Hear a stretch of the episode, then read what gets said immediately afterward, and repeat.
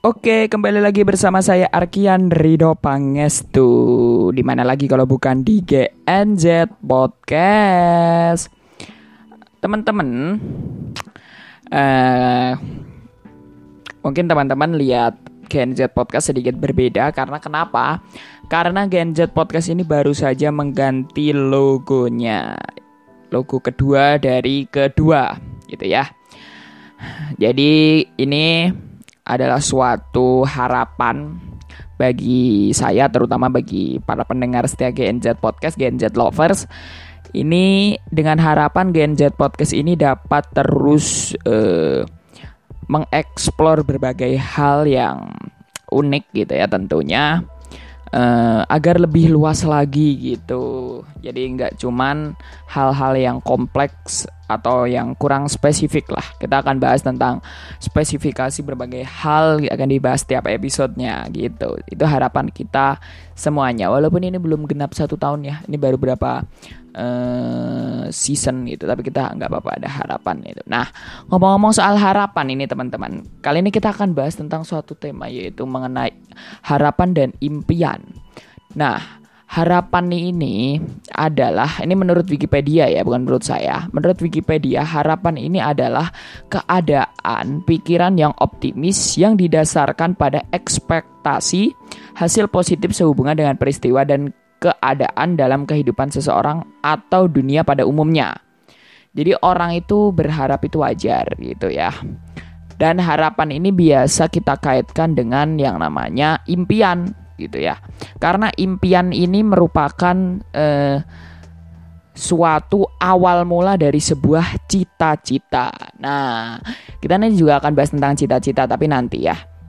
Nih, biasanya orang-orang itu eh, apa namanya suka eh, bilang kalau kita itu sebelum kita sukses kita tuh harus bermimpi dulu. Jadi uh, apa namanya kalau kita aja mimpi sukses aja nggak mau gimana mau sukses? Orang mimpi aja takut itu kadang orang-orang suka mengaitkan hal-hal tersebut. Padahal itu tidak ada uh, sangkut pautnya secara uh, jelas gitu. Itu hanya secara psikologis kita. Nah, oke. okay kita akan e, membahas tentang cita-cita nih ya.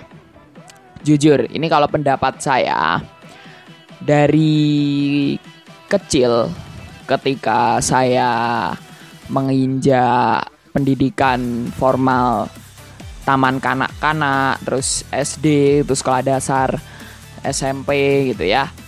Saya itu mendapati hal-hal yang sedikit uh, aneh gitu menurut saya.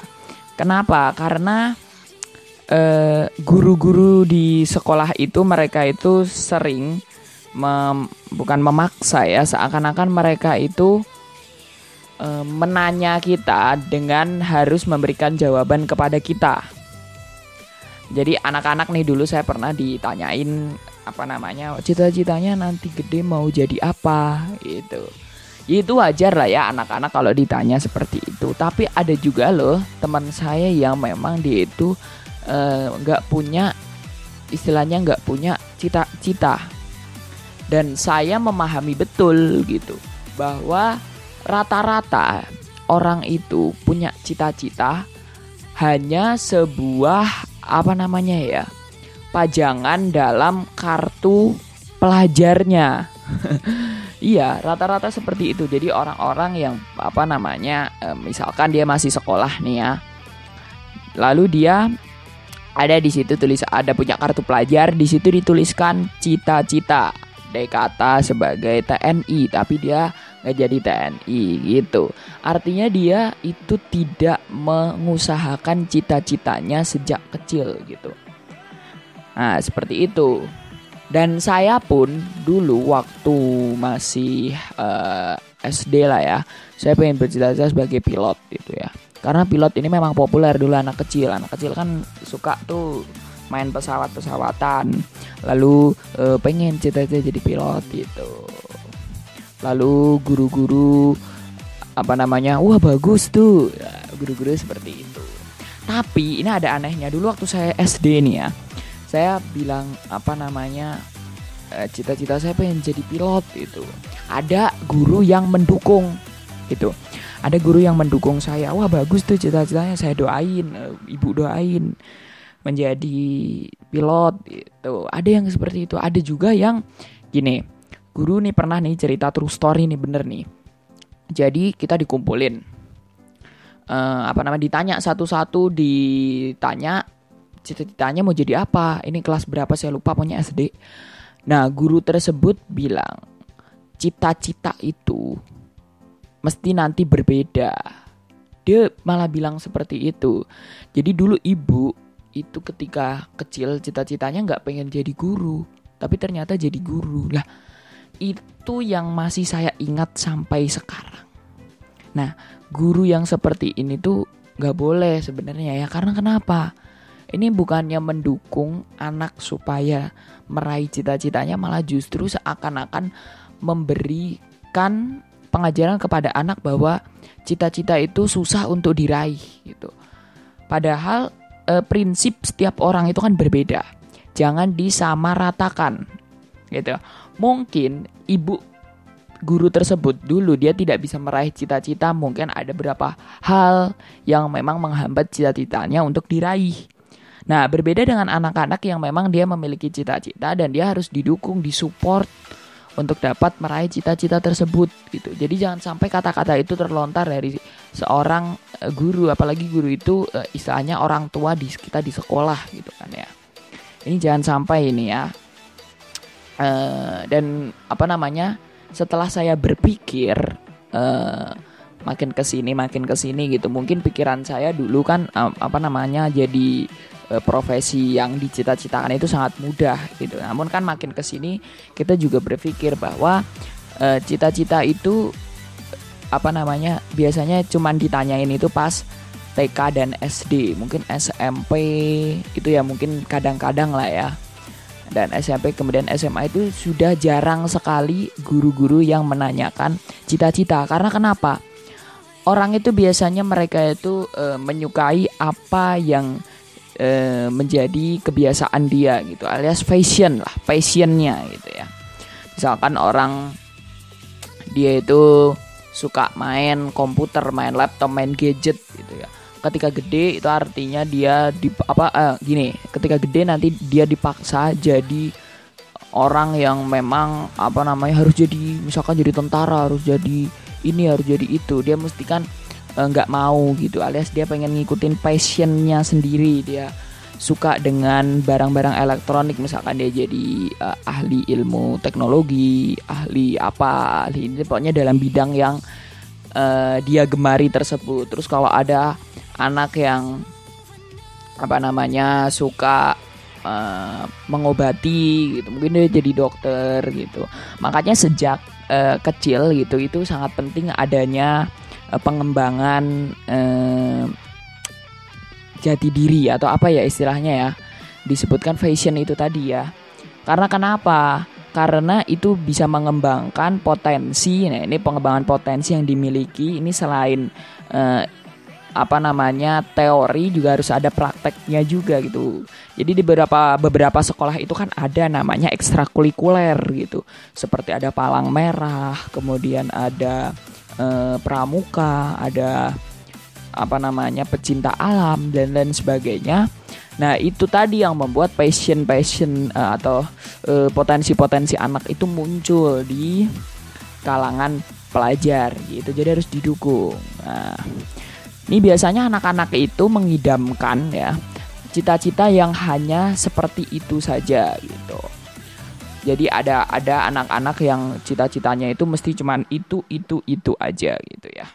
Menurut riset anak-anak di Indonesia nih kita riset ya umurnya sekitar ya masih kecil lah ya. Mereka itu sebagian besar yang banyak apa namanya bercita-cita, mereka itu banyak banget yang pengen bercita-cita sebagai dokter gitu. Karena dokter ini tuh uh, profesi yang sangat terkenal gitu ya. Bahkan anak-anak itu hampir banyak banget anak-anak nggak laki-laki nggak perempuan pengen, mereka pengen jadi dokter gitu. Terus ada juga yang pengen jadi polisi, pengen jadi pilot seperti kata saya tadi. Lalu ada yang mau jadi guru, tentara, terus astronot dan lain-lain. Nah, kalau soal yang apa misalkan pengen jadi presiden itu biasanya mereka uh, hanya anak-anak tertentu saja gitu yang pengen uh, gitu biasanya dia jadi ketua kelas atau apa gitu ya. Jadi cita-cita itu memang sangat uh, menentukan bagaimana walaupun memang cita-cita itu jarang banget tergapai oleh sebagian orang. Mungkin kecilnya pengen cita-cita jadi dokter eh yang gede jadi bisnismen pengusaha itu mungkin yang pertama beberapa faktornya itu mungkin kita ini kurang percaya diri dengan eh, cita-cita uh, yang kita impikan. Itu itu faktor yang pertama jadi kita itu mungkin kurang percaya diri wah kalau saya apa namanya jadi ini apa nanti nggak gini nggak gini nggak gini gitu. Padahal semua cita-cita itu mesti butuh perjuangan gitu. Terus faktor kedua kurangnya ambisi. Nah ini harus apa impian itu harus dikejar seapapun harus kita peroleh sedapat gini. Jadi ada orang yang punya prinsip gini proses itu tidak akan mengkhianati hasil gitu ya. Tapi apa namanya proses ini uh, kita itu jangan cukup puas di proses saja. Kita itu harus puas ketika kita udah memperoleh hasil gitu. Walaupun kan ada memang istilahnya kita harus ber uh, berdoa, harus berikhtiar dan bertawakal.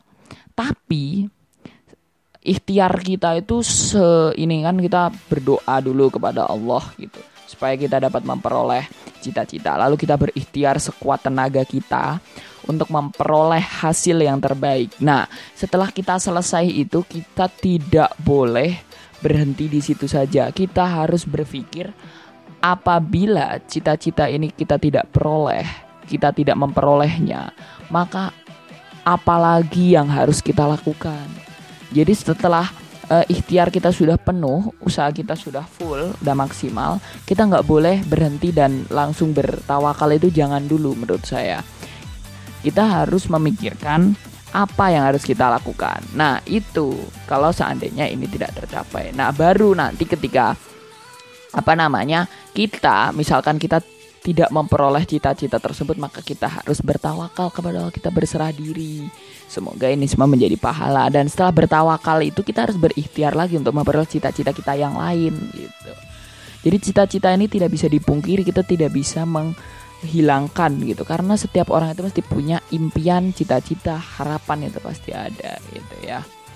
Jadi semoga ini menjadi pengalaman bagi kita bahwa sekecil apa pun harapan, impian dan cita-cita itu uh, alangkah baiknya kita wujudkan gitu. Jadi bukan cuman hanya sekedar uh, mimpi kita di malam hari atau hanya sekedar pikiran kita yang terlintaskan dan tidak akan pernah tercapai gitu. Dan jangan lupa untuk meraih cita-cita, impian dan harapan itu tadi kita harus mendengarkan pendapat atau nasihat dari orang-orang di sekitar kita.